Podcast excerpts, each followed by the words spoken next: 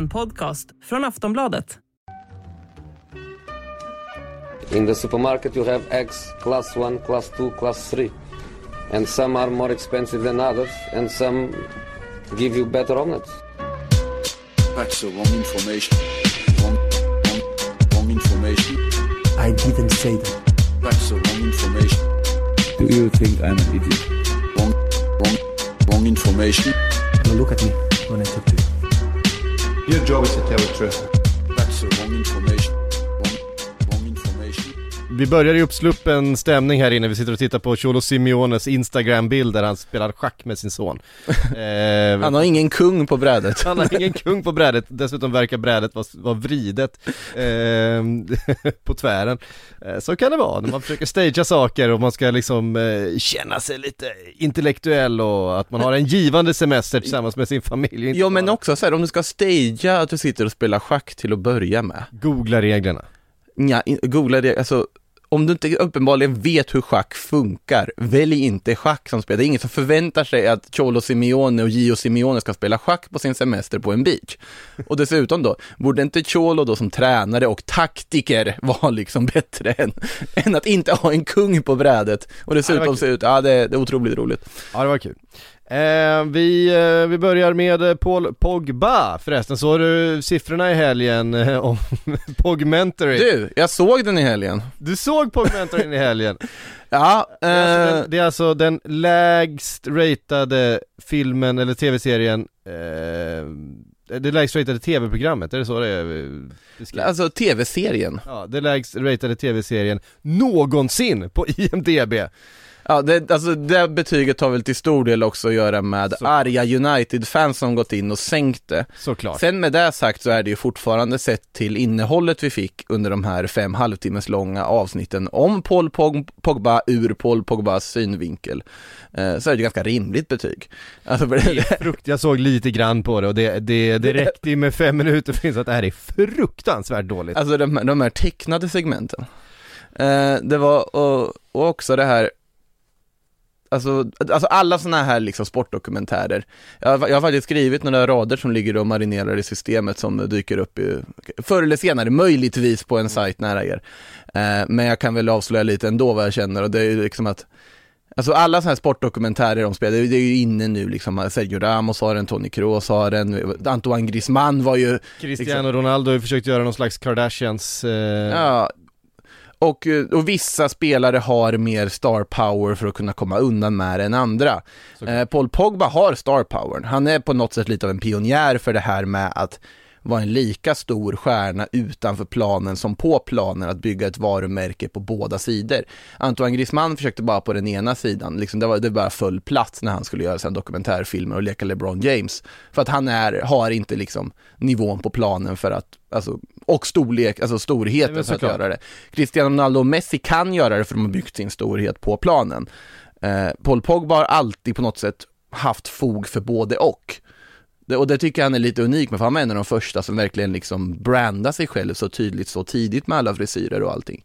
Men det sagt, den här dokumentären är ju det mest egocentriska, självförhärligande man har sett i princip. Det är, det är alltid han som har, alltså hans liksom, inte bara agenten utan hans liksom rättsliga rådgivare är konstant med i den här serien. Eh, det är fascinerande att se hur han verkligen bara ser Manchester United som en av många potentiella scener där han ska liksom bygga sitt ego. Och eh, ja, med facit i hand för alla, alltså med sättet han förminskar Manchester United och tydligt ser sig själv som större än klubben, så är det ju bara rätt att de, ja, går åt skilda håll. Ja, det får man säga. Eh, uppges då vara helt klar för Juventus. Det eh, har ju vi vetat om ett tag att det kommer bli så. Ska presenteras i början av juli, alltså kanske i början på nästa vecka någon gång. Eh, eller rent av till helgen. Vi får se hur det blir. Ehm, och det känns väl som en eh, bra möjlighet för båda två. Eh, Pogba kom ju ändå, trots liksom misslyckandet får man verkligen säga i, i Manchester United och alla åren där. Eh, Han har ändå behållit den här stjärnkvaliteten eh, på något sätt. Och medan vi sitter här och pratar om hans dokumentär och även om vi, Måste lägga till en sak, Även om vi skrattar åt den. men det, det konstigaste med dokumentären måste jag bara lägga till här. Ja. Det är ju att i introt och även i en sorts scen när han tränar sitt flashiga gym, Han har alltså en japansk landslagströja. Det förstår jag att du, att du snappade upp rätt, rätt Men, men så här, han går omkring i en japansk landslagströja och så tänker man, men vad, vad är det här nu? Ska du byta landslag också? Och så ser man honom i en flamengo-tröja senare också, bara gå omkring. Blaise Matuidis tröja sprang omkring i. Och så inser jag då att, vad är det som har gemensam nämnare med de här tröjorna? Det är Adidas-tröjor som på något sätt är lite speciella jämfört med vad de brukar vara, Ja, just det. sälja. Precis. Så han var japansk landslagströja också. Ja, bra, nu kan, du, nu kan du gå vidare. Jag ville bara lägga till. Eh, ja men han har ju, han har ju uppenbarligen en star quality, alltså en, Ja. en utstrålning och så vidare som vi har fascinerats av under alla de här åren och när han kommer tillbaks till Italien här nu så, förhopp, så hoppas man i alla fall för hans skull att han också kan hitta tillbaks till den, eh, den stjärnstatusen på planen, för den har han ju verkligen tappat. Det var ju länge sedan vi såg Paul Pogba som en världsstjärna på planen, som han ju faktiskt är i Ja. grund och botten. Det är en fantastisk fotbollsspelare när han får omständigheter som funkar för honom och det är väl det som är det stora problemet att han han saknar den där Ja, det är en lagidrott det här. Det är en lagidrott och man måste kanske anpassa sig själv efter situationer och efter omständigheter. Eh, och när det går emot, ja men då får man fan kavla upp ärmarna och det har han ju inte varit förmögen till att göra i Manchester United. Han kom till ett Manchester United som, som, som kämpade, som hade motvind och uppförsbacke. Och då, har man det så kan man liksom inte stå, du vet, skylla på omgivningen, skylla på allt annat, ja men det här funkar, jag får fel roll, jag får inte spela på rätt ställe, jag får inte göra det. För fan kavla upp ärmarna då, du är en, en av världens bästa fotbollsspelare, du måste kunna hantera det här. Och den kritiken, den ska han ju verkligen ha. Och nu får vi ju se ifall han i Juventus kan få då en miljö som kanske passar honom bättre, en roll som passar honom, eh, honom bättre, en fotboll som, ja, ehm, som vi vet att han har varit framgångsrik i, i förut.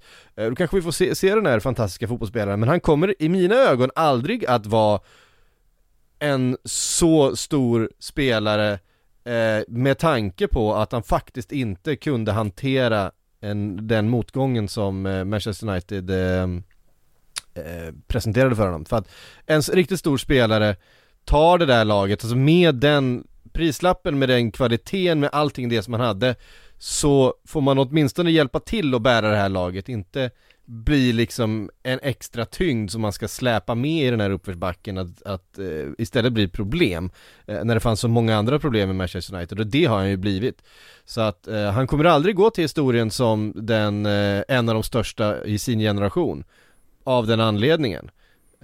Men han har ju alltid levererat till landslaget Han och sånt är alltid- ju sånt som också sätter någon sorts uh, legacy, eller det kanske snarare var tidigare på 70-80-talet och sånt eftersom att vi inte såg lika mycket ligafotboll, det var lika tillgängligt som tidigare, då, då fick man ju basera mycket av sin, ja, vilka spelare var stora baserat på vad gjorde de i världsmästerskap. Det är därför vi minns spelare som Frans Beckenbauer, Pelé, Cruyff och så vidare, vi, mycket på vad vi har sett dem göra i en landslagströja. Nu gjorde ju de mycket annat också såklart, men Eh, Eh, I Pogbas fall här nu i Juventus, nu kommer han ju till den klubben, den enda klubben egentligen där han är älskad för det han faktiskt har gjort på planen snarare än det som alla vet att han kan göra på planen. För det är ju så med eh, varit i United, han har ju glimrat till stundtals och varit alldeles, alldeles briljant. Han har gjort några fantastiska mål, några fantastiska matcher och eh, och har många bra insatser i United-tröjan bakom sig, men totalt sett så är det ju ett totalt misslyckande och det tror jag att både Pogba och miljön och tränarna som varit där, alla har en del i det här. Att det inte blev som planerat. Eh, och det är svårt att veta om det hade kunnat bli som planerat om någon av de här delarna hade varit eh, funkat bättre. Men Juventus, ja, jag är ju helt inne på det, ditt spår där om att han behöver bygga tillbaka sin liksom star power på planen. Och det är ju exakt samma sak som Juventus behöver göra. Ja men det jag menar är att han ser sig själv som en av de största stjärnorna i sin generation och det var Ja. ju det han skulle vara. Mm. Jag menar det var det prislappen eh, indikerade när han gick från Ja. Juventus till Manchester United. Han gick till Manchester United för att bli den spelaren. Eh, han hittade där en, eh, en, en klubb i problem och hans oförmåga att hantera det, hans oförmåga att faktiskt eh, hjälpa till och bära den här jätteklubben, det, är- det är liksom Alltså det är inte Norwich han kommer till. Han kommer till en av världens största fotbollsklubbar som visserligen hade stora problem, men de har ju köpt in honom av den här, det gör att han i min bok aldrig kommer att, även om han kommer vara väldigt framgångsrik i Juventus, även om han har varit väldigt bra i landslaget så kommer han för mig aldrig eh, ha nått upp till den potentialen han hade. Han kommer aldrig i mina ögon ses som en av sin generations absolut främsta fotbollsspelare. Då finns det många andra eh, som, som har gått före och som faktiskt har gjort det och som Mm. ehm, har bidragit till sina, till sina klubblag på ett sätt som han inte har gjort. Eh, Men det är ju här han kan sätta, det här är ju kan, här är hans sista chans. Han, Ja. han kommer aldrig bli det, men han kan i alla fall rädda delar utav sin, eh, utav sin karriär och sin, sitt legacy om han är framgångsrik i Juventus. Nu är ju Juventus också en klubb i viss, i, viss motvind eh, just nu och allting kommer inte vara krattat för honom där. Han kommer behöva kavla upp ärmarna i Juventus, annars kommer han hamna i samma situation igen. Men han kommer ju också få, antagligen få en roll som passar honom bättre, han kommer till en klubb som där han vet att han har levererat och det här är ju tydligt att nu har han valt med tanken vart har ju bäst möjligheter att leverera på ett sportsligt plan. Eh, annars skulle han ju gått till PSG. Om man ska skriva historien och det ska på, alltså ultimata sättet att branda sig själv hade ju varit att den förlorade sonen flyttar hem till Frankrike, han får gå till klubben som, ja vi har varit inne på det förut, är ganska duktiga på det här med att bygga image på sina spelare, att liksom vara en grogrund för, eh, ja att vara egocentrisk och självförhärligande. Och han valde att inte göra det steget utan ville till Juventus, tar mindre pengar för att gå till Juventus och gör den flytten nu och det tyder på att han själv fattar också att äh, men han vill leverera på planen. Jag tror absolut att Paul Pogba varit jättefrustrerad över hur dåligt det har gått i United, det tvivlar jag inte på. Eh, men det är tydligt också att det finns också andra andra faktorer som spelat in för honom hela tiden och andra saker han värderar i form av att också bygga sitt eget brand. Han pratar redan nu om att han vill jobba med film någon gång i framtiden. Han eh, dessutom då öppnar för att bo i USA någon gång. Jag tror att han kommer att flytta till Miami förr eller senare. Det känns helt uppenbart. Om det var något vi lärde oss från dokumentären så är det det i alla fall. Eh, så att eh, då måste han göra tre bra år i Juventus, kanske vinna lite titlar, visa vilken nivå han faktiskt besitter innan han då gör MLS-flytten som alla fattar att han kommer göra förr eller senare. Det kommer han göra, och någon som har gjort en MLS-flytt Gareth Bale! Jajamän! Åh vad tråkigt det. Vilken eh, segway vi fick där, tack för den. Eh, ja men, vad förväntar du dig? Du, du, du Getafe! trodde att han skulle till Getafe. Ja, Det var, du var ensam jag om att tro vill, det. alltså, och sen då när jag liksom ändå de här uppgifterna om att han vill stanna i Madrid-området och när han sa att Getafe kommer jag aldrig sätta min fot i och då tänkte man, ja Rayo finns ju fortfarande så att man hoppades på det, men det vart det ju inte heller. Nu eh. får du ta och ge dig. Nej men vadå, Rayo är en jättefin klubb med jättemycket fina värderingar och mycket annat. Eh, klassisk, Säkert- klassisk förening. Säkert bra golfbanor i närheten också men men, eh, nej, men Gareth, jäck, Gar- alltså. Gareth Bale till, eh, till eh, Los Angeles känns ju väldigt logiskt på alla sätt och vis. Ja, och han skriver ju också ett eh, ettårsavtal här nu till att börja med bara för att spela ut den här säsongen. Det är logiskt sett till också hur MLS-säsongen är uppbyggd. Eh, han får branda sig själv där borta. Det finns väl golfbanor i LA, det saknas nog inte heller. Eh, bra väder, familjen lär trivas. Och sen så har han ju en option då efter VM att förlänga med ytterligare en period om man känner att han faktiskt vill fortsätta efter VM. För prion för honom här var ju att hitta en klubb där han kan hålla igång fram tills eh, VM börjar. Och eh, det får han ju nu och mm, säkert en ganska bra lön också av att spela i LAFC som han nu ska till. Just det, ja, precis det är inte eh, Galaxy. Sa du Galaxy? Nej jag sa bara Los Angeles. ja. Är det LAFC? ja det, Los Angeles Galaxys Fierce Rival som man går på Wikipedia. jag sitter här och bara rycker på axlarna något av de där eh, Los Angeles-klubbarna. Jag, jag är rätt obekymrad om, eh, om Carlos Velas gäng Ja just det. är det ju. Ehm, så är det. En annan eh, spelare som p- verkar vara eh, väldigt nära övergång i alla fall. Eh, here we go har Fabricio eh, annonserat om Gabriel Jesus till Arsenal och det här har vi också pratat ganska länge om och det känns eh, otroligt spännande att se vad han skulle kunna göra. Kopplingen till Arteta finns ju där såklart, de känner varandra från, eh, från eh, City, Arteta vet precis vad han får av Gabriel Jesus, vilket ju är en, en gudabenådad fotbollsspelare verkligen, han har ju, han har ju allt. Var, var det medveten gudabenådad? Jesus. Ehm, nej det var det inte, men vi tar det. Ja, nej men eh, som sagt, ja, han, eh, vi har pratat om det förut och han kommer ju, de behövde en forward, nu får de en väldigt duktig sån som nog är lite smått revanschsugen eller liksom sugen på att visa vad han egentligen kan. Och det ska ju bli spännande att se honom ha ett annat form av förtroende och liksom annan tydlighet i sin roll som jag tror att han kommer få i Arsenal och en annan stjärnstatus. Han kommer bli en av ja, klubbens bättre betalda spelare. Han eh, kommer kostar en halv miljard att värva. Eh, man kan väl diskutera prislapp. Jag tycker ändå att den är rimlig faktiskt, även om det är bara ett år kvar på kontraktet. Eh, han är fortfarande relativt ung ändå. Eh, kommer nog tillföra mycket till det här Arsenal och eh, som sagt, Arteta och Edu, också sportchefen, ska ha varit väldigt bärande i att de lyckats få igenom den här övergången. Jesus själv har verkligen velat göra den flytten också. Eh, och det ska bli väldigt, väldigt spännande faktiskt att följa och se hur det, hur det kommer se ut för honom där, måste jag säga. Eh, spontant så tycker jag det känns bra. Man vet ju aldrig. Man vet aldrig. Vi trodde att Nicolas Pepe skulle leverera en gång i tiden. Men det gjorde han ju inte. Eh, men det ska bli väldigt spännande att följa mm, Gabriel Jesus nu, tycker jag. Mm. Eh, ja men det ska det, jag tycker det är en, eh, en fenomenal fotbollsspelare och Mm. Arsenal känns ju väldigt spännande just nu. Eh, vi eh, har ju dessutom då Martinez som, eh, vad det verkar, ska vara på allvar på, på Arsenals radar här och vi får se. Nu tänker du Ajax Martinez Ajax. Ajax Ja. Martinez ja, ja absolut. Och inte Inter Martinez. Nej, han, inte, ju, La, han, inte, Lautaro. Nej, men han har ju sagt så på Arsenal-radar också någon gång, men Men då hade jag sagt Lautaro. Jag gillar Lautaro, det är ett kul. Lautaro är ett bra namn. Uh, nej men den som främst uh, snackas om just nu i Arsenal-sammanhang med att det är lite fram och tillbaka, det är ju Rafinha. ja, dessutom. Och den, den hade ju varit otroligt spännande att se. Eh, det går att diskutera liksom ytterbehovet, jag tycker ändå att det kan på något sätt på den högerkanten, om du har Bukayo Saka på den andra kanten, eh, så skulle du kunna känna på att ha en till och ha Martinelli där och rotera med dem också. Jesus kan ju användas på de kanterna med, du ska ha Enketia som ska ha speltid och sånt också. Men bara som offensiv kraft, förutsatt att Nicolas Pepe då försvinner, eh, så tycker jag väl att Rafinha skulle vara jättespännande det är också en typ av spelare som Arsenal inte riktigt varit med och konkurrerat om, om man skulle backa bandet ett, två år. Så är känslan av att Arsenal inte hade kunnat vara med och tampas med lag som ja, Barcelona och eh, Chelsea om spelare som även de är liksom intresserade av. Som det verkar vara i det här fallet. Eh, däremot så är det lite olika uppgifter. I eh, katalansk media säger man att Arsenal är ur racet.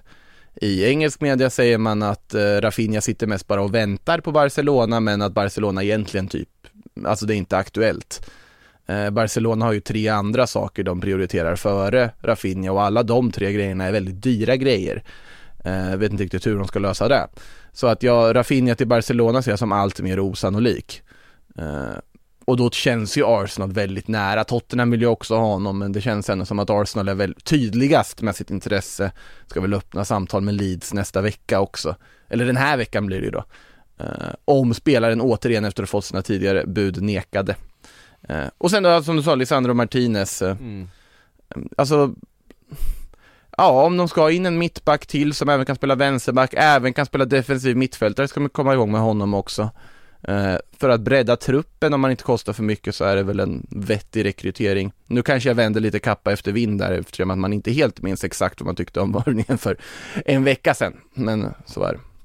Eh, ja precis, Nej, men eh, vi har fått en del frågor om det också här och Mm. det, det ett, eh, det snackas ju lite grann om att Arteta vill ha ett Tomiyasu eh, liknande alternativ Och på det är det ju. och vänsterbacken, alltså en, en defensivt väldigt eh, skicklig. Vi Mm. har ju pratat om det här att ehm, Arteta eventuellt då kommer röra sig mer mot en, mot en 4-3-3 med en defensiv mittfältare och två Ja. stycken åtter framför eh, och inte då den här eh, Klopp 4-3-3 Mm. med, med otroligt eh, högt uppflyttade ytterbackar utan mer en Pep Guardiola med Mm. defensivt väldigt starka ytterbackar.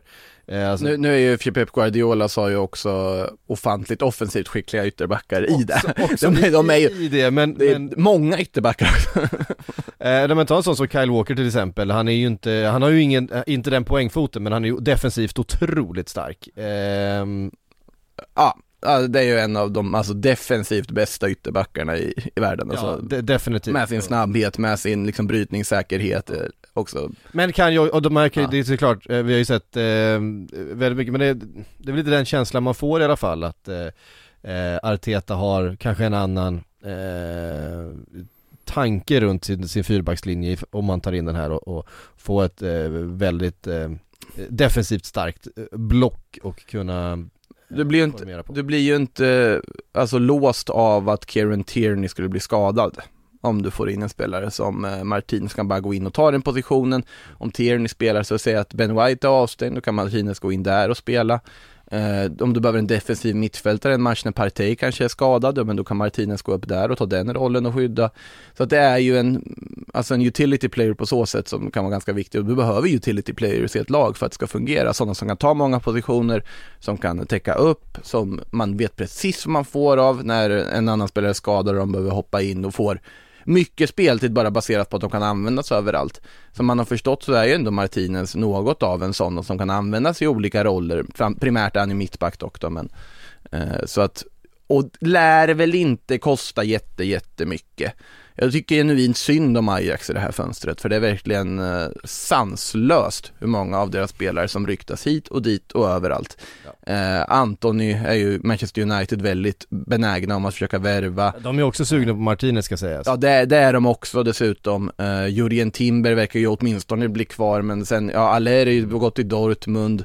Ja. Eh, vet inte riktigt var de har, ja, Bergvin får alltså, de väl in vad det verkar. Också, de har också tappat Ten Hag så Ja, de har tappat en tränare, eh, ja det, det, är helt sanslöst hur mycket de... Madraoui har lämnat, Gravenberg har lämnat, eh, Onana har lämnat, Aller har lämnat. äh, det är... Jag kanske inte hade satt mina pengar på Ajax, eh, att Ajax tar titeln nästa säsong. Men om ett par säsonger är de ja, tillbaka de... igen med en helt ny generation. Ja, ja men de kommer ju säkert ta titeln nästa år också med en helt ny generation. Och det var en ny kille som verkar duktig.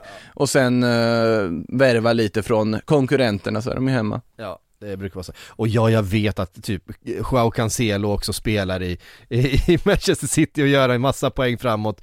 Eh, ja, och därav offensivt skickliga. Ja, men, en av världens bästa offensiva ytterbackar. Ja, det, det, är han ju definitivt. Ja. Eh, men, men de tenderar att spela med mer defensivt eh, minded eh, ytterbackar i Manchester City.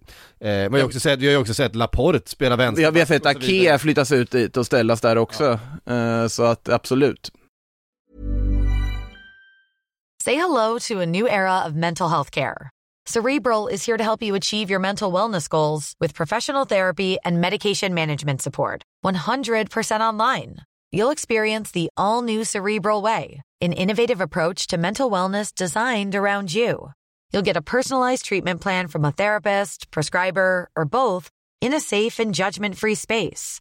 Your Cerebral therapist or prescriber will outline a customized plan with clear milestones along the way so you can get to feeling your best. With Cerebral, you're not alone in your mental health journey.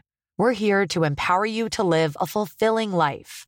So take that first step towards a brighter future and sign up today at cerebral.com slash podcast and use code ACasts to get 15% off your first month. Offer only valid on monthly plans. Other exclusions may apply. Offer ends July 31st, 2024. See site for details.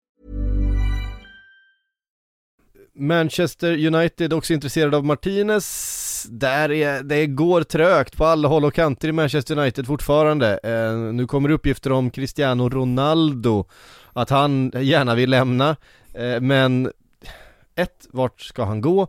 Två, United verkar inte sugna på att sälja det här läget, de behöver ju behålla spelare, de, de håller ju på att bli tunna här nu med tanke på alla de som har lämnat mm. redan.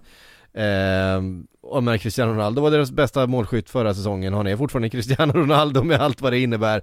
Eh, ja, vad händer där? Kan man ha kvar en, en tjurig, missnöjd Ronaldo en säsong till, får man ens säga, för han har tjurat en del under den här säsongen jag, jag, tror att han, han är så pass professionell när det kommer till det där att han kommer att leverera, alltså eller göra sitt absolut yttersta för United även om han skulle bli kvar mot sin vilja en säsong, det är jag helt övertygad om.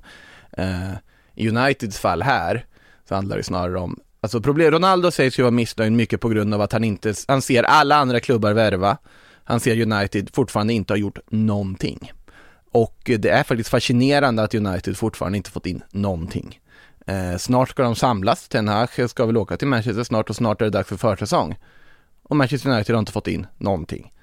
Eh, och Ronaldo märker såklart av det här och undrar vart ligger ambitionerna i den här klubben just nu. Och det är ju det som fått honom att tvivla. Ska jag lägga ett av mina sista år innan man ändå måste gå i pension på att spela i detta United som inte verkar satsa? Eh, och det är ju det, United sitter låst och det, det är liksom man är inte förvånad när de sitter låsta i diskussioner med Barcelona om Frenkie de Jong. Men samtidigt känns det som att vissa rekryteringar kan man genomföra även om du sitter i de förhandlingarna. Men det är väl så att, ja, som vi tidigare varit inne på, Ten Hag vill först ta in Frenkie, det är the centerpiece. Ja. Sen bygga utifrån det. Eh, om det skulle sluta med att man inte får Frenkie, då blir det ju väldigt spännande att se vad United desperat slänger sina pengar på istället. Men i fallet Ronaldo då, det är inte lätt att flytta på en sån spelare. Eh, jag tror att det går. United betalar inte särskilt mycket transfersumma, de skulle bli av med en ganska stor lönepost. Han har väldigt hög lön. Han har Mm. ungefär en, eh, ja vad var det, 520 000 pund i veckan tror jag. Det är inte dumt. Tror han är bäst betald i ligan med det. Det kan jag tänka mig. Eh, och det är ju inte lätt att flytta på en sån spelare. Och då första som dök upp, det var ju Bayern München. Där finns ju behovet om Lewandowski skulle försvinna, men det, det, Det, aldrig den lönen i Bayern München. det har skjutits ner ganska snabbt att det kommer inte ske. Bayern-ledningen är inte intresserad av det, eh, den vägen. Eh, nästa som har dykt upp är att Jorge Mendes då, för det är han som varit mest aktiv i det här då, agenten, Såklart.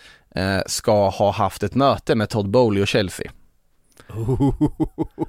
Ja, de ska, de ska ha varit i ett möte, det kommer ju The Athletic liksom eh, Todd Bowley så vill säga, han har ju helt tagit över spakarna nu. Ja, det, är han ja, som, men han har igång lite roliga grejer det, är han, det, är han, det är han som kör skutan nu. Eh, han- vid det här, alltså det, är- det, är han, han bara kliver in. Han, han och Jorge Mendes ska ha haft ett möte. An, där bland annat Cristiano Ronaldo ska ha diskuterats. Eh, det här mötet ska ju ha fått Manchester United att bli rosenrasande, för de har ju tydligen inte haft någon form av intention att sälja Cristiano Ronaldo. Men det ska också ha erbjudit honom till Roma, eh, för att återförenas med José Mourinho. Eh, jag förstår inte varför Cristiano Ronaldo, om det också då, för att United spelar inte heller Champions League och det är också en aspekt som gör att varför, jag vill inte, jag vill spela i Champions League. Det är ju hans turnering. Ja, varför ska han till Roma då? Eh, det, det är ju något som talar emot det. Och sen ett annat spår som ligger, det är ju Sporting. Att han flyttar hem till Portugal och spelar för eh, Sporting Club eh, hemma i Lissabon igen. Eh, vi får, det tror jag inte sker än. Och jag tror att han, han Jag tror hur det än är, om det är så att han måste bort från Manchester United, eh, eventuellt om Manchester United lyckas värva någon annan forward, eh, för de är lite tunna på forwardspositionen eh, redan nu. Rashford är ju inte Ja, direkt vem- va- varit i form, Cavani har försvunnit. Och vem ska de då värva som motsvarar Cristiano Ronaldo? Ja, det blir inte lätt. Eh, Det finns ju ett namn. Vem tänker du på?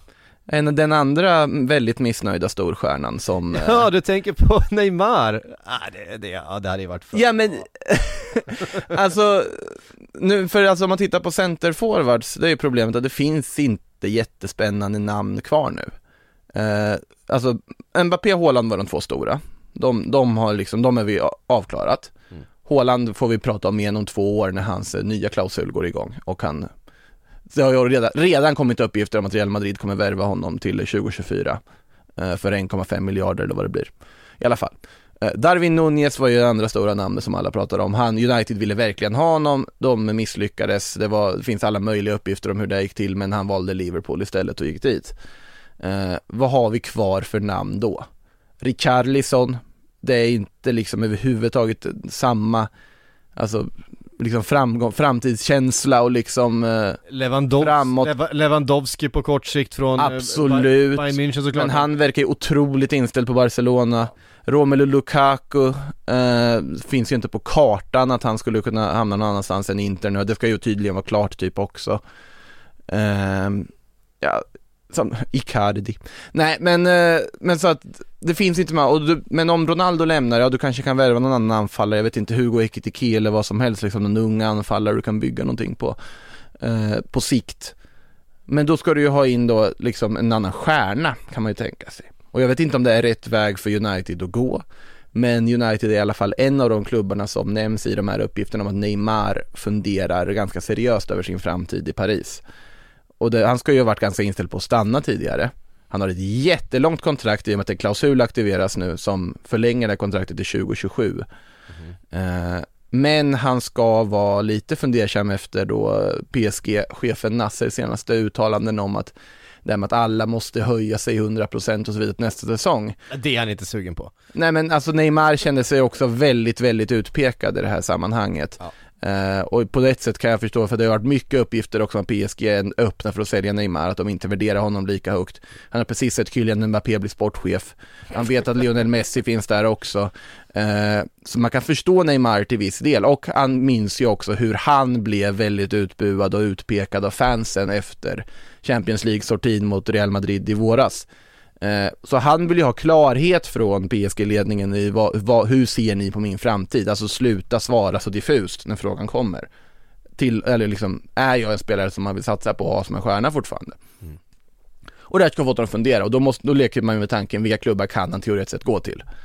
Och då, man hamnar ju egentligen, RMC Sport, de kommer uppgifterna hamna på tre klubbar som jag tycker låter rimligt. United, eh, om Ronaldo lämnar. Om Ronaldo lämnar. Ja, eh, fattar det liksom, Neymar på en kant, Jadon Sancho på en annan och så har du en forward innanför det, det är ganska bra. Ja. Uh, det, och Neymar, eh, som sagt, är en, jag tycker han är nästan underskattad tycker jag. Jag tycker det är en så fruktansvärt bra spelare. Uh, när han är i sin allra bästa form. Sen kommer ju då nästa roll, det är ju Chelsea. Ja. För Thomas Tuchel är den som har fått ut mest av Neymar av alla tränare någonsin. För han var, han var ju otroligt bra i PSG ja. under Tuchel. Uh, Bowley vill ju uppenbarligen ha en stjärnvärvning. Har vi ju märkt Hur var Tuchel och Neymars relation då? Det där fanns ju lite frågetecken runt eh, hur eh, det var väl, det var nog snarare liksom omklädningsrummet som helhet som var Tuchels problem snarare än individerna i individnivå.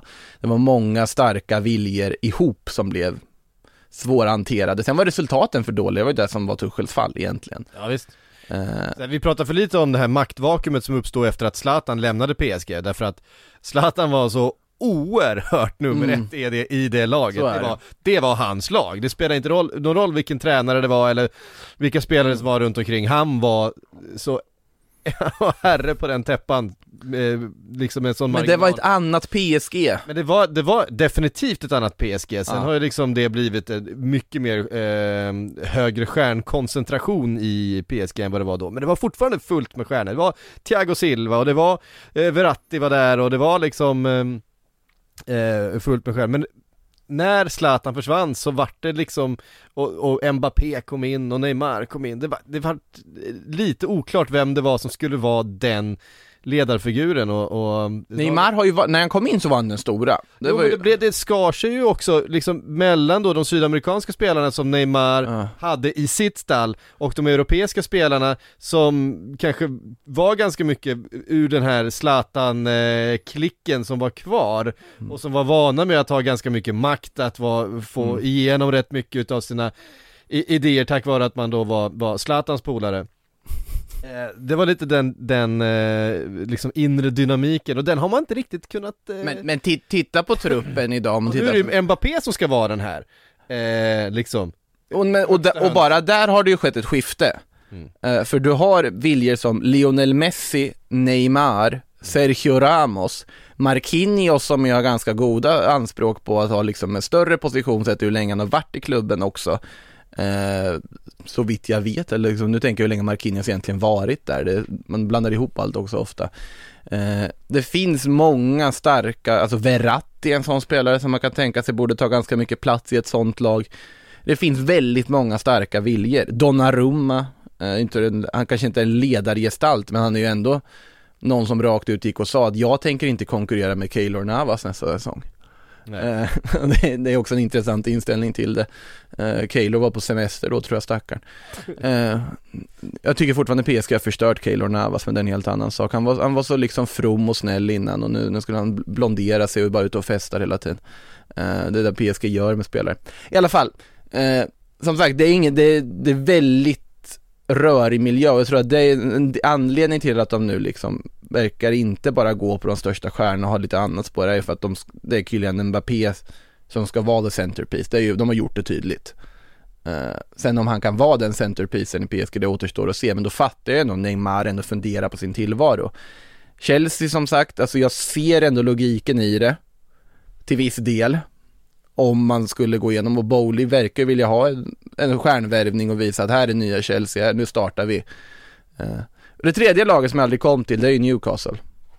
För de vill ju ha en centerpiece. Ja det vill, det vill de, de vill ju ha eh, och, och, det finns utrymme att jobba med för dem. De eh, har gjort klart nu då vad det verkar med Sven Bottman va? Ja, det verkar som att han väljer eh, Newcastle och hamnar där istället för Milan. Eh, Jättefin värvning. Det ska bli spännande om man är så bra som all hype säger bara. alltså om man håller den nivån och hur det funkar, men absolut, det är ju en super de ville ha en riktigt bra mittback och det får de ju nu. Han får ju spela bredvid supertrygga Dan Brown. Nej, Dan, Dan Brown? Dan Burn. Det är min. Vinci-koden. Da Vinci-koden. Dan Burn, supertrygga Dan Burn. Eh, fyra meter lång och, och bara härlig på alla sätt och vis. Bara härlig. Bo- Bottman och Burn. Bo- Bottman och Burn. Alltså, där har du en sitcom. Eh, En rik- ja. in the making. En riktigt svag sitcom känns det som också. Bottman och Burn. Ja, nej men det där, eh, jag, det blir ju, alltså, tycka vad man vill om Newcastle och deras projekt och eh, det har man eh, all rätt att Ja. göra och eh, det bör man nästan ha en åsikt om eh, om man intresserar sig för den interna- internationella toppfotbollen. Eh, därför att det, deras saudiska intåget i, i Newcastle får väldigt stora konsekvenser eh, för den, fotbollens legitimitet eh, framförallt i förhållande till resten av omvärlden. Eh, men med det sagt eh, och med den tanken liksom fortfarande hängande i luften så är deras sportsliga eh, projekt just nu under How, det är väldigt, väldigt spännande. Ja, och att de verkar ju inte ha fallit i tricket, vi ska bara gå på stora namn. För då hade de, då hade, Om inte Neymar kommer in då. ja men Neymar, Neymar är också, det är kvalitet som är, det är också fortfarande extremt hög kvalitet. Jag ska komma ihåg, Neymar har hunnit fylla 30. Eh, det är sjukt att säga det, men det är ju faktiskt så. Eh, och eh, men sen är frågan, skulle han vilja gå dit? För det verkar som att Neymars prio är också att han vill ju vara i en utmanande miljö. Såklart det får en riktig utmaning och ska lyfta Newcastle. Men han vill ju möta det bästa motståndet möjligt. Han vill spela Champions League, han vill hålla sig i liksom tipptoppskick fram tills då VM nu i november. För det är det som är hans stora, stora mål och det han blickar mot. För det är det Neymar fortfarande saknar, är ju den här stora landslagsframgången. Att få skriva in sig i samma kapitel i historieböckerna som Pelé, Romario, Visst. Ronaldo som en av de stora brasilianska stjärnorna som har vunnit en VM-buckla. Det är ju det han saknar. Eh, så det är ju det som är hela hans mål. Och då är frågan, får han den uppladdningen han behöver i PSG eller vill han ha en annan miljö för det? Och då vet jag inte om Newcastle är den miljön han vill ha för att hålla sig i bäst möjliga form inför ett VM. Men det är som sagt, det är, det är väldigt svår eh, ekvation att lösa Neymar oavsett. Och det förutsätter också att PSG ska vara intresserade av att sälja. Och då ska du förhandla med en klubb som har så mycket pengar att de överhuvudtaget inte bryr sig eh, alltså om de, alltså om siffrorna liksom. De kan kräva hur mycket som helst. Eh, så att ja, det blir väldigt intressant situation i alla fall. Mm. Ehm, mm vi eh, går vidare. Vi konstaterar att både Ronaldo och uh, Neymar-flytten är inga, det, det är inga lätta saker Nej, att det, nej, genomföra. nej, det är långt ifrån säkert att de lämnar sina klubbar, men det, det har börjat tisslas och tasslas i alla fall lite i, i ryktesfloran. Um, vi stannar kvar i United då och eventuella utgångar. Man har ju då missat en chans att bli av med Harry Maguire här i vad det verkar. Uh, I alla fall om man ska tro uh, vissa journalister där ute. Ja, det är väl The Sun Exclusive var det ju som kom här också, även om det är det är ju inte den liksom mest trovärdiga publikationen vi har där ute i, i, på de engelska öarna och då finns det mycket att konkurrera med. Eh, så är det ju ändå när det kommer Exclusive, de har ju sina källor också naturligtvis och United-fallet så finns det dessutom. Eh, och då ska det ju varit då att Barcelona eh, i förhandlingarna angående Frenkie de Jong och jag förstår ju inte hur Barcelona resonerar här, det är det första jag inte riktigt förstår.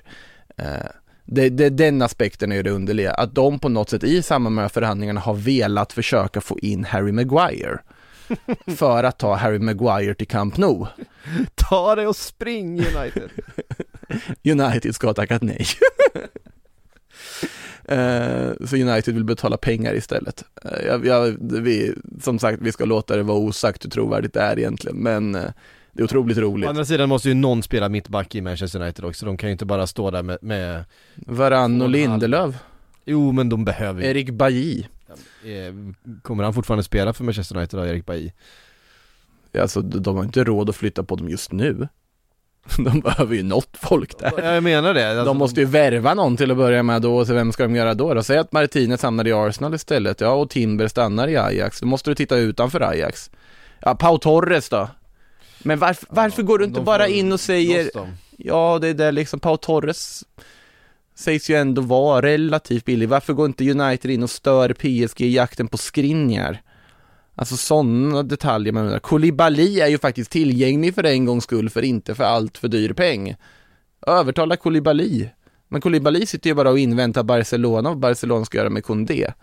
Det finns ju jättemycket mittbackar tillgängliga, men så att United borde ju kunna lösa någon av dem, kan man tycka. Eh, och då flytta på Harry Maguire med eh, allt vad det innebär till Barcelona är ju inte en dum lösning, tycker jag egentligen. Nej. Men, eh, men sen som sagt, vi ska låta det vara osagt hur trovärdigt det är och hur sant det är. Eh, exakt, det kan ju vara så Barcelona på sidan av kanske ville ha Harry Maguire och försöka lösa någonting. Och det kanske inte United var lika intresserade av. Fortfarande ha dina, alltså den stora transfersumman som det handlar om. Nu verkar de ju dock vara mycket närmare att komma överens om Frenkie de Jong. Eh, de verkar faktiskt ha kommit mycket, mycket närmare varandra. Det senaste från The Telegraph var väl ett bud på, om jag inte minns fel, 69 miljoner pund. Och då har United kommit betydligt mycket närmare Barcelonas initiala värdering av spelaren. Eh, och inte då hela vägen såklart, men betydligt, de har höjt sitt bud ganska rejält och så är det väl variabler och sånt där på det. Men nu är nästa fråga då, okej, är Frenkie de Jong fortfarande lika intresserad av att flytta? För det är ju det som har varit också nu att, ja, de är typ överens, men nu är det Frenkie som funderar. Så att jag vet inte riktigt när de ska komma till någon form av konsensus och svar i det här, men förr eller senare så tror jag att det här kommer lösa sig och det här kommer bli en övergång. Jag, jag får den känslan i alla fall att det blir, för varje dag blir det mer troligt. United måste väl ha tillräckligt kompetenta, gissar jag på, peppar peppar, att inte fastna i någon sån här liksom Jadon Sancho-saga ännu en gång. Nu vart ju Jadon Sancho klar för United i slut, men det vart ju typ ett år senare än vad egentligen var planerat. Att man fastnar i något sånt där igen och att det inte händer någonting. United borde ha lärt sig mer. Barcelona måste ju också, de sitter ju och väntar, Lewandowski sitter och väntar på dem. Eh, Bernardo Silva sitter och väntar på dem. Eh, Koundé sitter och väntar på dem. Eh, det här är spelare som sammanlagt då, om vi säger att ja, Lewandowski vill Bayern ha 60 miljoner euro för, det tror jag inte de kommer få. Uh, säg 50 för Lewandowski, säg att Barca på något vänster lyckas förhandla ner Bernardo Silva till 80 då. Uh, och sen betalar, ja de vill inte betala 65 för Koundé. Då är också, liksom, vilken världsbild har ni? Tänker jag när de, när de försöker få ännu billigare för en sån back. Men 60 för Koundé, det är ju uppe på, ja det är ju nästan 2 miljarder kronor som de ska spendera på spelare, på tre spelare då, om de ska få igenom alla de här tre. Så att om de ska överhuvudtaget ha någon chans att lösa det, då är det ju bara att sälja Fränk och få så mycket pengar för så fort som möjligt. Uh, för att just nu så har de ju, är de inte nära att ens värva en av dem. Nej. Nej man, alltså det, det är så mycket i, den här, i det här fönstret som man undrar hur fan det ska gå ihop liksom. Eh, men spelare som vill flytta på som man inte ser några liksom eh, möjliga Mm. klubbar för och spelare som är på väg till klubbar där man överhuvudtaget inte ser hur ekonomin ska gå ihop och ah, det, är, det, är väldigt mycket, det är väldigt rörigt det här fönstret överhuvudtaget. Man ser inga ri- riktigt röda trådar i det. Gabriel Jesus har ju piggat upp, men det var vi inne på, att Arsenal har blivit för, eh, liksom, för välskötta. Ja men det, det, vi har varit inne på det, att Arsenal är ju de som eh, faktiskt har tagit ett kliv i den riktningen det senaste året att Arsenal känns här och nu från att varit en jävla kaosklubb Ja. under många år och man undrar vad fan de håller på med och hela, ja ja, men Pepe, och men inte bara Pepe utan flera andra värvningar under de senaste åren, förläggningen utav Özil och det, all den dåliga stämningen runt honom och, och Aubameyang och, och, och Fast var det inte- Alexis Ja. Sanchez före dess, att det har varit så mycket eh, som har varit dåligt och konstigt eh, som nu känns rätt och bra med Arsenal. Alltså man har en, man har en eh, tydlig plan, eh, man har koll på ekonomin, man har eh, en utvecklingsbar och ung och spännande trupp. Man har dessutom samlat på sig rutin, man har en fixstjärna i, i Bukayo Saka skulle jag vilja hävda, att han är verkligen deras, deras nummer ett som man kan Mm som är deras liksom eh, spelare från, från grunden, som man kan bygga det här runt, som är ung, som är super, superbra. Eh, ja, det finns så mycket som känns rätt med Arsenal eh, här och nu. Så att, eh, Men alltså så här, om man tittar på överlag i Big Six just nu. Liverpool var ju tydliga, de, de blev klara innan fönstret ens öppnade och sen bara klart. Mm. City har jättetydlighet i vad de håller på med. Eh, till att börja med. mm. Eh, de är öppna i lägen och liksom för att sälja när det behövs här och nu och jag tycker de får en bra slant för Gabriel Jesus i det här fallet till exempel. Jag tycker en bra försäljning av dem. Eh, Calvin Phillips ska ju i princip vara klar för ungefär samma summa där då in och jag tycker det är en supervärvning av dem. Helt rätt. De ville ha honom, de var väldigt tydliga tidigt, de har löst det, han kommer. Eh, Marco Correa är ju nästa steg då, att de vill värva in. Där är det väl dock så att de inte riktigt har närmat sig Brighton än på att de hittills har eh, lagt bud som inte riktigt motsvarat vad Brighton vill ha för honom. Jag läste väl någon Brighton-korrespondent där i brittisk media som sa hittills har det bara varit crap som City har erbjudit.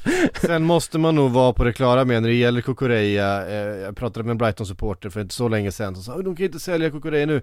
Man måste nog vara på det klara med att i förhandlingen med en sån spelare som Kukureya, att han överhuvudtaget skulle gå till Brighton eh, i första stället, med, måste ha skett med någon slags eh, inte garanti men åtminstone en handskakning på att om det kommer en storklubb och, och, och lägger ett okej bud så måste ni vara beredda att låta mig gå. Eh, han, alltså den statusen han ändå kom, alltså det, det, eh, det rånet som det ändå kändes som när, när Brighton värvade honom från början.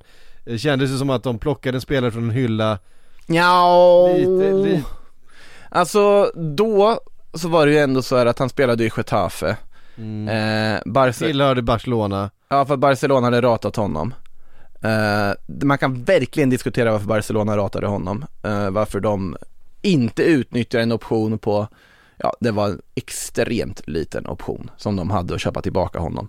Eh, när de Jag behövde trodde han var på lån till och med att de, Ja, i början, från början så var han ju utlånad och lite sånt, men sen, sen var det liksom optionsläge på något, alltså jag vet inte exakt, det var i alla fall väldigt lätt gjort för Barcelona att få tillbaka honom. Mm. Eh, nej, för det var ju inte de som fick in transfersumman nu.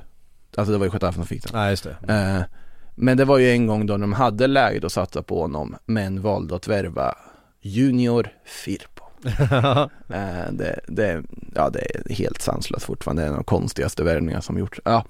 Eh, men eh, så att de, de tapp, brände ju chansen med Kukureya överhuvudtaget. Så att där tror jag inte att det nödvändigtvis är så att han var så pass hypad och att han det var egentligen konstigt att han valde Brighton.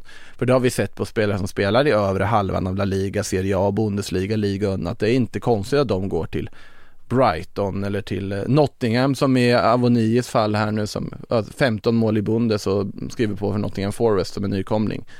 Eh, och spelade då på den övre halvan, skulle kunna spela till Europa med Union Berlin. Väljer att gå till en nykomling i Premier League istället. Eh, det är, har blivit ett sånt maktskifte för att undre halvan i Premier League har så otroligt mycket bättre ekonomi än vad de undre halvorna i de andra ligorna har.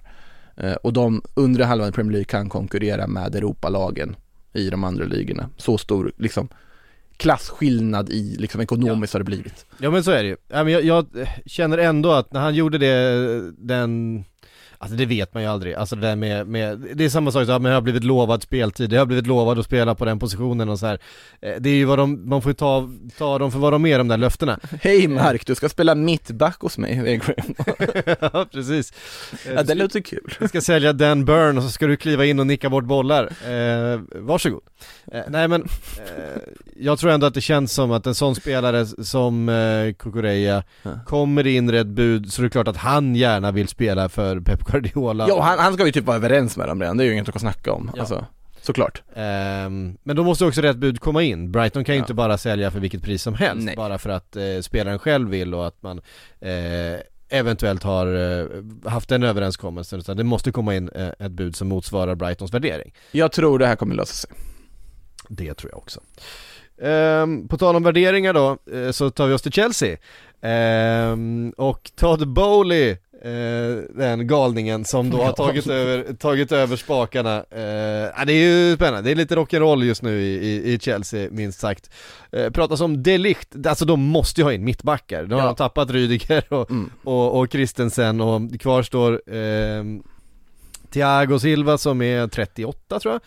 Ehm, Malang Sarr och, eh, vad heter han, eh, eh, Chaloba såklart. Eh, Och så har du ju lite så här andra yngre förmågor som Det liksom finns alltid en massa yngre förmågor i Chelsea Levi Collowill och sådana här, men jag tror inte att de riktigt kommer ingå kanske i de väl snarare att de behöver något Premier League-år någon annanstans Nej, innan. och så får vi väl se om Aspilicueta försvinner dessutom. Just det, Barca. Har de glömt Aspi? De ska värva honom också. Nej, det, Ja, nej, det, Vi får ju se, eh, och sen, man vill ju inte gärna stoppa ner Reece James i en trebackslinje, eh, även, om han, även om han hanterar det också såklart, men då Mm. tappar man ju alla hans främsta kvaliteter som är högre upp i banan.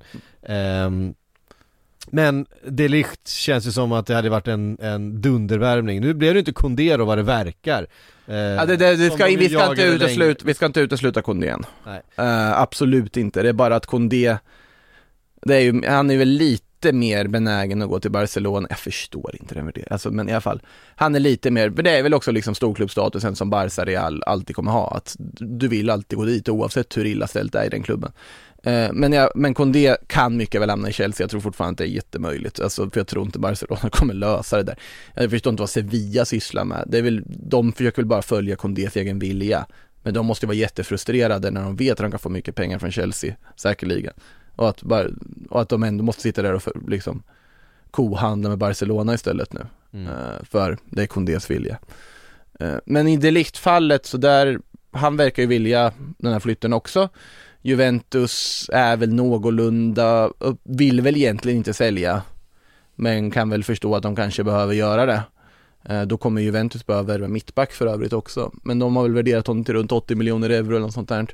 Eh, Chelsea ska ju ha då erbjudit lite swap deals eh, som ska tackas nej till, bland annat Timo Werner plus cash Mhm. eh, som Juventus ska ha sagt nej till. Jag tyckte det var en väldigt spännande förslag. För alltså Faktiskt. Timo Werner behöver ju en ny utmaning. Werner och Vlahovic.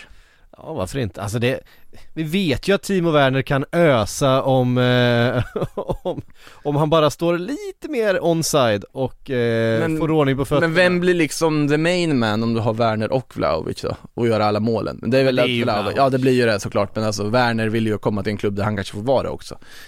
Eh, Christian Pulisic är ett annan spelare som de också har varit benägna att lägga med i en bytesaffär sägs det och det tycker jag väl också är en sån här rimlig, rimligt erbjudande. Jag kan förstå inte varför Bowley skulle vilja släppa LeBron nu när han har honom och får liksom se honom i in action i sin klubb. Men eh, ja, det, men Juventus ska ha tackat nej och de vill ha pengar. Och det, får vi se. det sant om de ska förlänga kontraktet med Delict och allt möjligt men då kommer det säkert ligga någon form av klausul i det kontraktet. Jag tycker Chelsea borde egentligen annars pusha mer för typ bara ge PSG konkurrens som Skriniar. Jag Ja. säger det hela tiden. Men eh, Ja, för att där har vi en annan förhandling som eh, pågår. Det är nämligen Lukaku till, eh, till Inter. Ehm, som också Bowley ska försöka ro i hamn på något sätt och så ska, den ska väl vara i hamnrodd till och med, sägs det ju. mm, och då är frågan, kan Lukaku spela mittback? Ja, För att om Skriniar försvinner så måste Inter ha, ha, ha in en ja men det kommer väl Gleison Bremer då, tänker jag. Ja det blir väl det. Det, det, jag, alltså jag, jag ser framför mig Skriniar ut, Bremer in. Att det liksom, det blir inte mer komplicerat än så. Man får behålla Bastoni. Och så får vi se vad som händer med De Frey då, men då kanske man hittar någon annan mittback. Men jag tror att de, de kommer ju inte värva någon högprofilerad på så sätt. Nu är det lite intressant att någon som sitter i en sorts limbo i och med hela Lukaku-historien, det är Dybala. För det är inte helt hundra Dybala hamnar i Inter någon mer. Om Lukaku kommer. Så. Det kom väl nyligen lite uppgifter att Dybala ska ångra sig att han aldrig lyckades förlänga med Juventus också. Det det, det- men absolut roliga, mest underliga situationen av alla underliga situationer vi har diskuterat är fortfarande Osman Dembélé. Ja, den ska ju också fortfarande vara prioriterad utav, utav Chelsea eh, enligt vissa, men eh, Ja, precis. Alltså Chelsea ska ju ha svalnat på att de vill ju ha Raheem Sterling. Det är ju däremot prioriterat och det, den tror jag faktiskt de får igenom. jag läste så sent som igår att eh, även Dembélé, att Dembélé och Sterling, men de, då ska ju Pulisic och kanske Werner också Ja. ut då.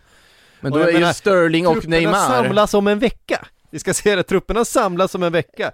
Eh, den, ja, Men det är här vi kommer få bekanta oss med lite yngre förmågor. Jag jag är helt säker på att vi kommer få se typ Kennedy få speltid i Chelsea igen och sånt där. Han är väl inte så ung nu mer men eh, lite annat. Brocha har sitter de på också som vi inte ska räkna bort ur deras ekvation. Eh, nu pratar vi forward till Chelsea, men det är ju West Ham som har varit och budat. Kennedy är alltså 26. Ja, han är ju ingen yngre förmåga, det var ju det jag sa, han har ju varit på lånet, men en sån här som vi nog kommer få se spela lite i alla fall på försäsong, kan jag tänka mig, om han är frisk.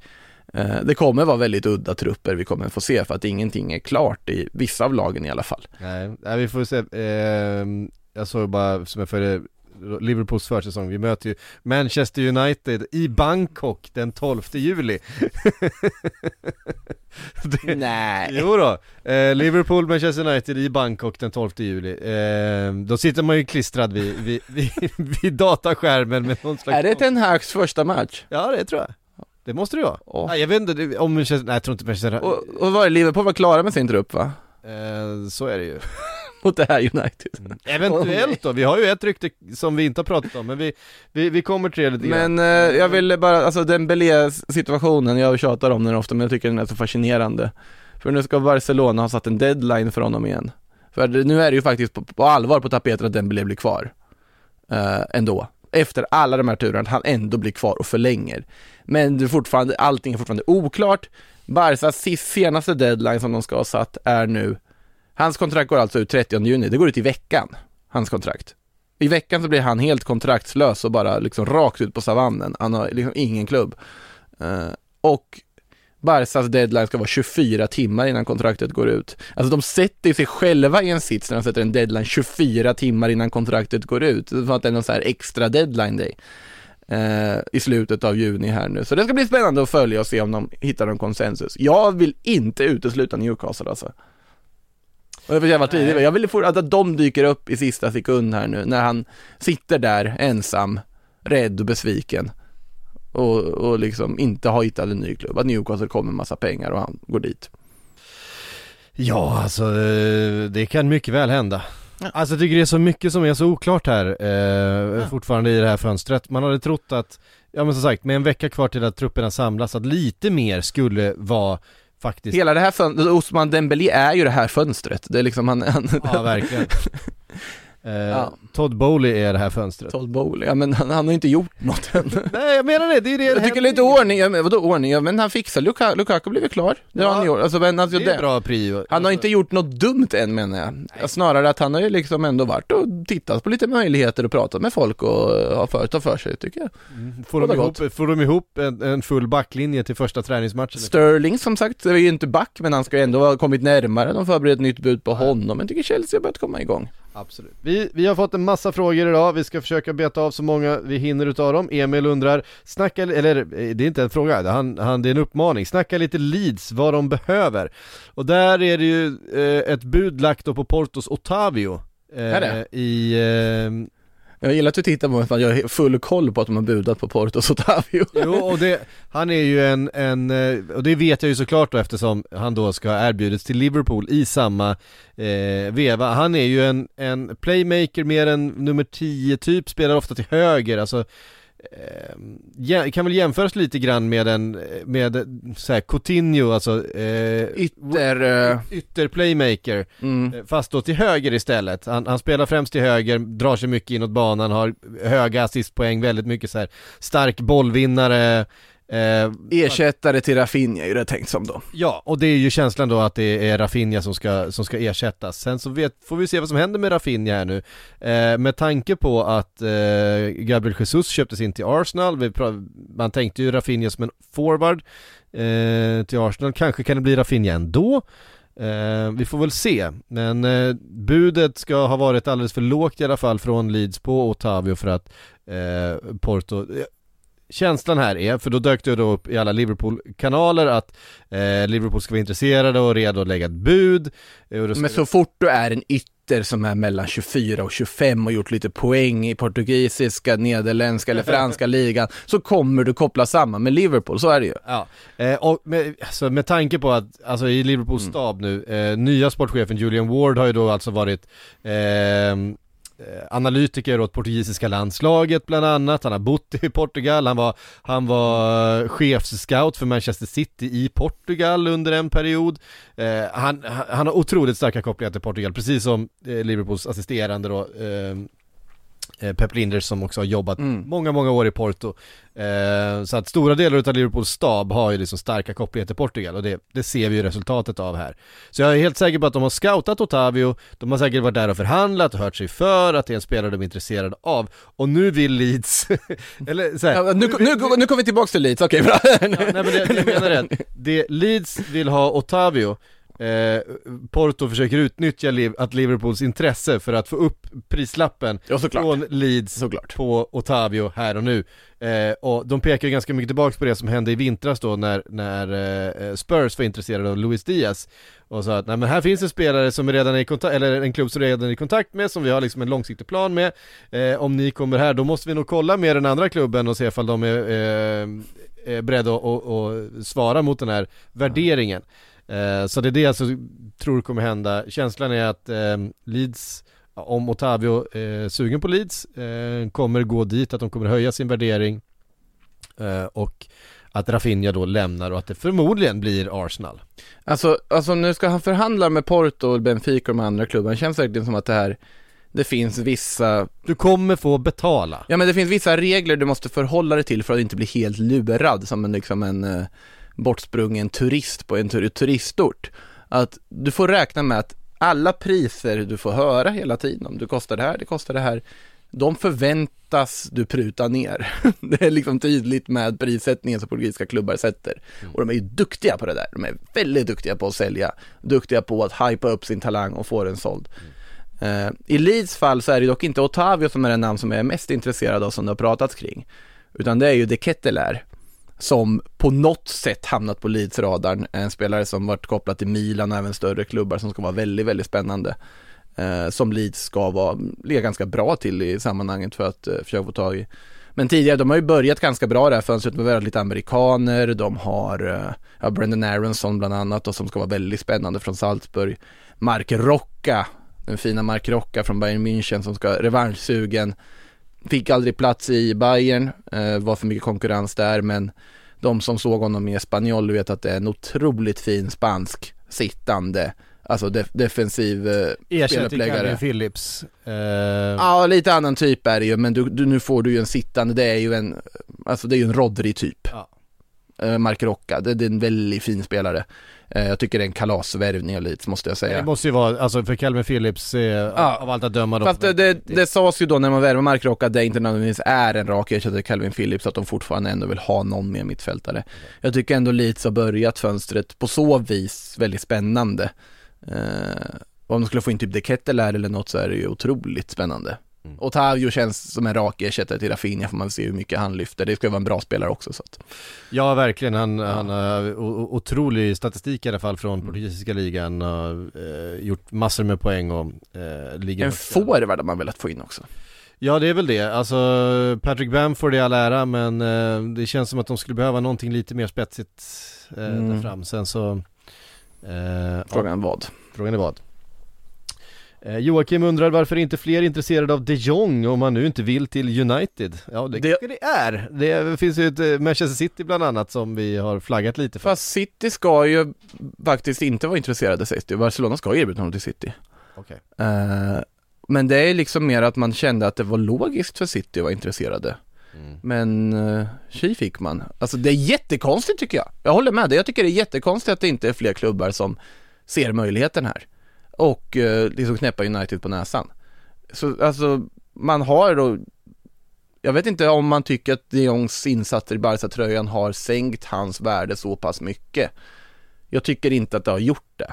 Jag tycker att han har också till stor del varit lidande av ett icke-fungerande kollektiv.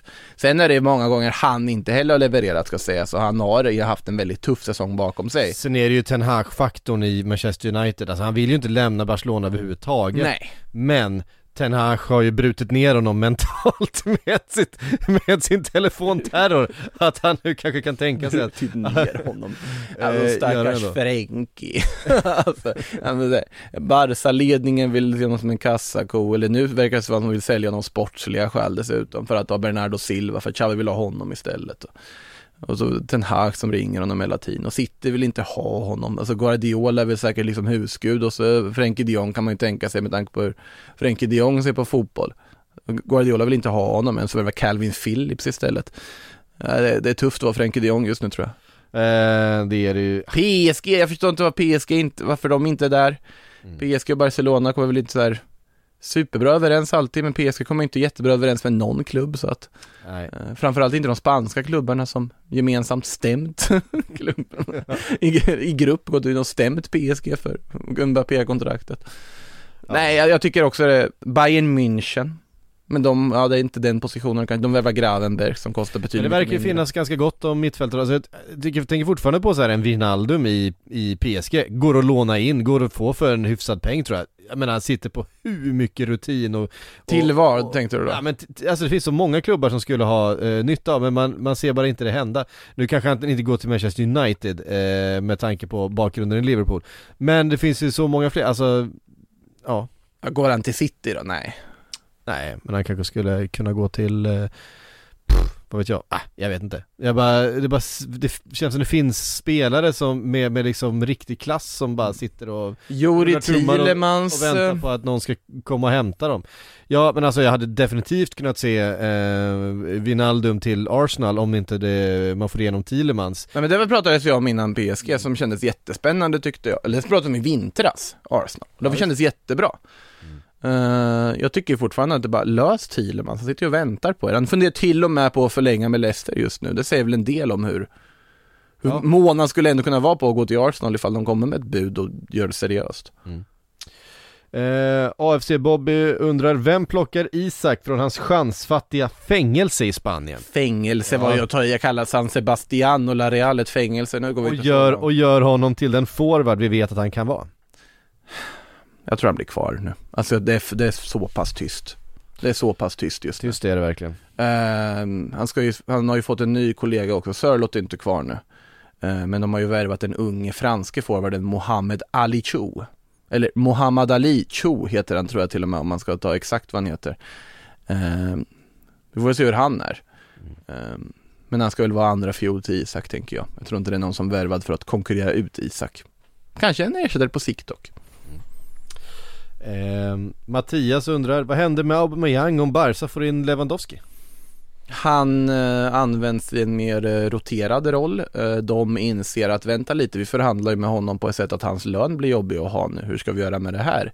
Då sitter Barcelona i klistret när de har värvat en 33-årig världsstjärna, må så vara att han gör en massa mål och sen ändå sitter då, då blir Aubameyang plötsligt ett eh, ett ok snarare än en tillgång om vi säger så. Och jag, det är därför jag inte förstår varför man jagar Lewandowski. Ja, jag tycker faktiskt att är, ja, han kommer ju ösa in mål, han är viktig för dem. De kommer ta sin CL-plats utan Lewandowski. Jag ser det inte som att de kommer plötsligt vinna Champions League bara för att de har värvat Lewandowski. Eh, varför lägga så mycket pengar på en spelare i den åldern när du försöker bygga någonting nytt? Jag förstår det inte. Nej det är konstigt. Jag förstår Bernardo Silva. Jag förstår varför man jagar Bernardo Silva. Jag förstår varför man jagar Jules Condé. Jag förstår varför man jagar Rafinha som en ersättare till Dembélé om det nu skulle vara så. Men Lewandowski, ja absolut en världsstjärna, men det är inte ett läge du behöver ha in en världsstjärna. Han kommer ösa in mål och hjälpa dem att Alltså ta, han kommer garantera en CL-plats och han är garanterad minst 20-25 mål, absolut. Men det finns, det är också en brintid på honom som ligger på tre år och det är, det är lön på det och det är allt möjligt och det är en saftig transfersumma för en så gammal spelare. Alltså Bay- Bayern München, om de får en halv miljard för honom med ett år kvar på kontraktet när han är 33, jag tycker det är briljant business av dem. Ja det får man verkligen säga. Av detta Barcelona. Ja. Eh, nej, jag, jag, jag vet att många inte håller med mig, många hoppas på Robert Lewandowski i Barcelona och tycker det är bra. Han är, ja, han är en fantastisk Det hade fotbollsspelare. varit kul att se, alltså som neutral hade jag tyckt att det var väldigt roligt att se. Absolut, men det är inte den vägen Barcelona borde ta, det är bara det jag känner liksom, att jag förstår inte den vägen. Ja men Lewandowski och Aubameyang kan sitta och drö- titta tillbaks då när de vann skytteligatitlar i Dortmund en gång i tiden. Ehm, Det fanns en sån period ja. ja det fanns det. Mm. Eh, Jonathan Alfons eh, undrar av Spurs och United, vilken klubb tror ni toppspelare helst går till idag? United är ju United, men Spurs projekt plus Conte plus Champions League kanske lockar mer, vad tänker ni? Beror på spelare till spelare tror jag. Eh, verkligen beror från spelare till spelare. Just nu, idag är det här fönstret Spurs utan tvekan för att de har en Champions League-plats. De kan vifta den biljetten och visa, här får du spela CL, här får du spela under Conte, det är kul. Vi har en fräsch ny superarena du kan komma till. Uh, snygga matchtröjor, all, all, allting, du får bo i London, jättemånga fördelar på så vis. Uh, har mer pengar att erbjuda verkar det som också, här och nu. Uh, United kan inte erbjuda samma sak, United kan bara erbjuda att du får spela för Manchester United, du kommer att vara en del av Manchester Uniteds historia, en, en av världens största klubbar, klassisk klubb, stor. Du får spela under Ten Hag, vara en del av det nya United.